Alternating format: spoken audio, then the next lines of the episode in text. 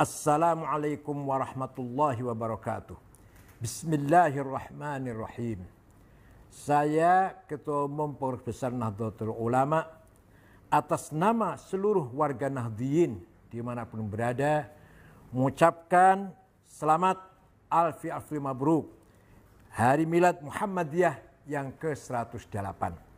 Semoga ke depan organisasi Islam Muhammadiyah lebih bermanfaat, lebih bergengsi, bermartabat, dan lebih berkontribusi andil besar dalam membangun budaya martabat bangsa Indonesia. Sehingga Muhammadiyah menjadi bagian terpenting dari bagian masyarakat bangsa Indonesia.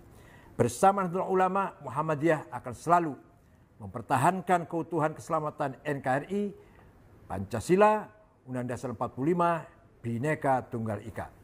Milad yang ke-108 dengan tema meneguhkan gerakan keagamaan menghadapi pandemi dan masalah negeri tema ini sangat relevan dengan keberadaan kita semua. Saya yakin Muhammadiyah akan mampu kontribusi mengatasi problem di dalam negeri kita ini dengan kebesaran Muhammadiyah, dengan SDM yang ada di Muhammadiyah, insya Allah bangsa Indonesia akan menjadi bangsa yang bermartabat.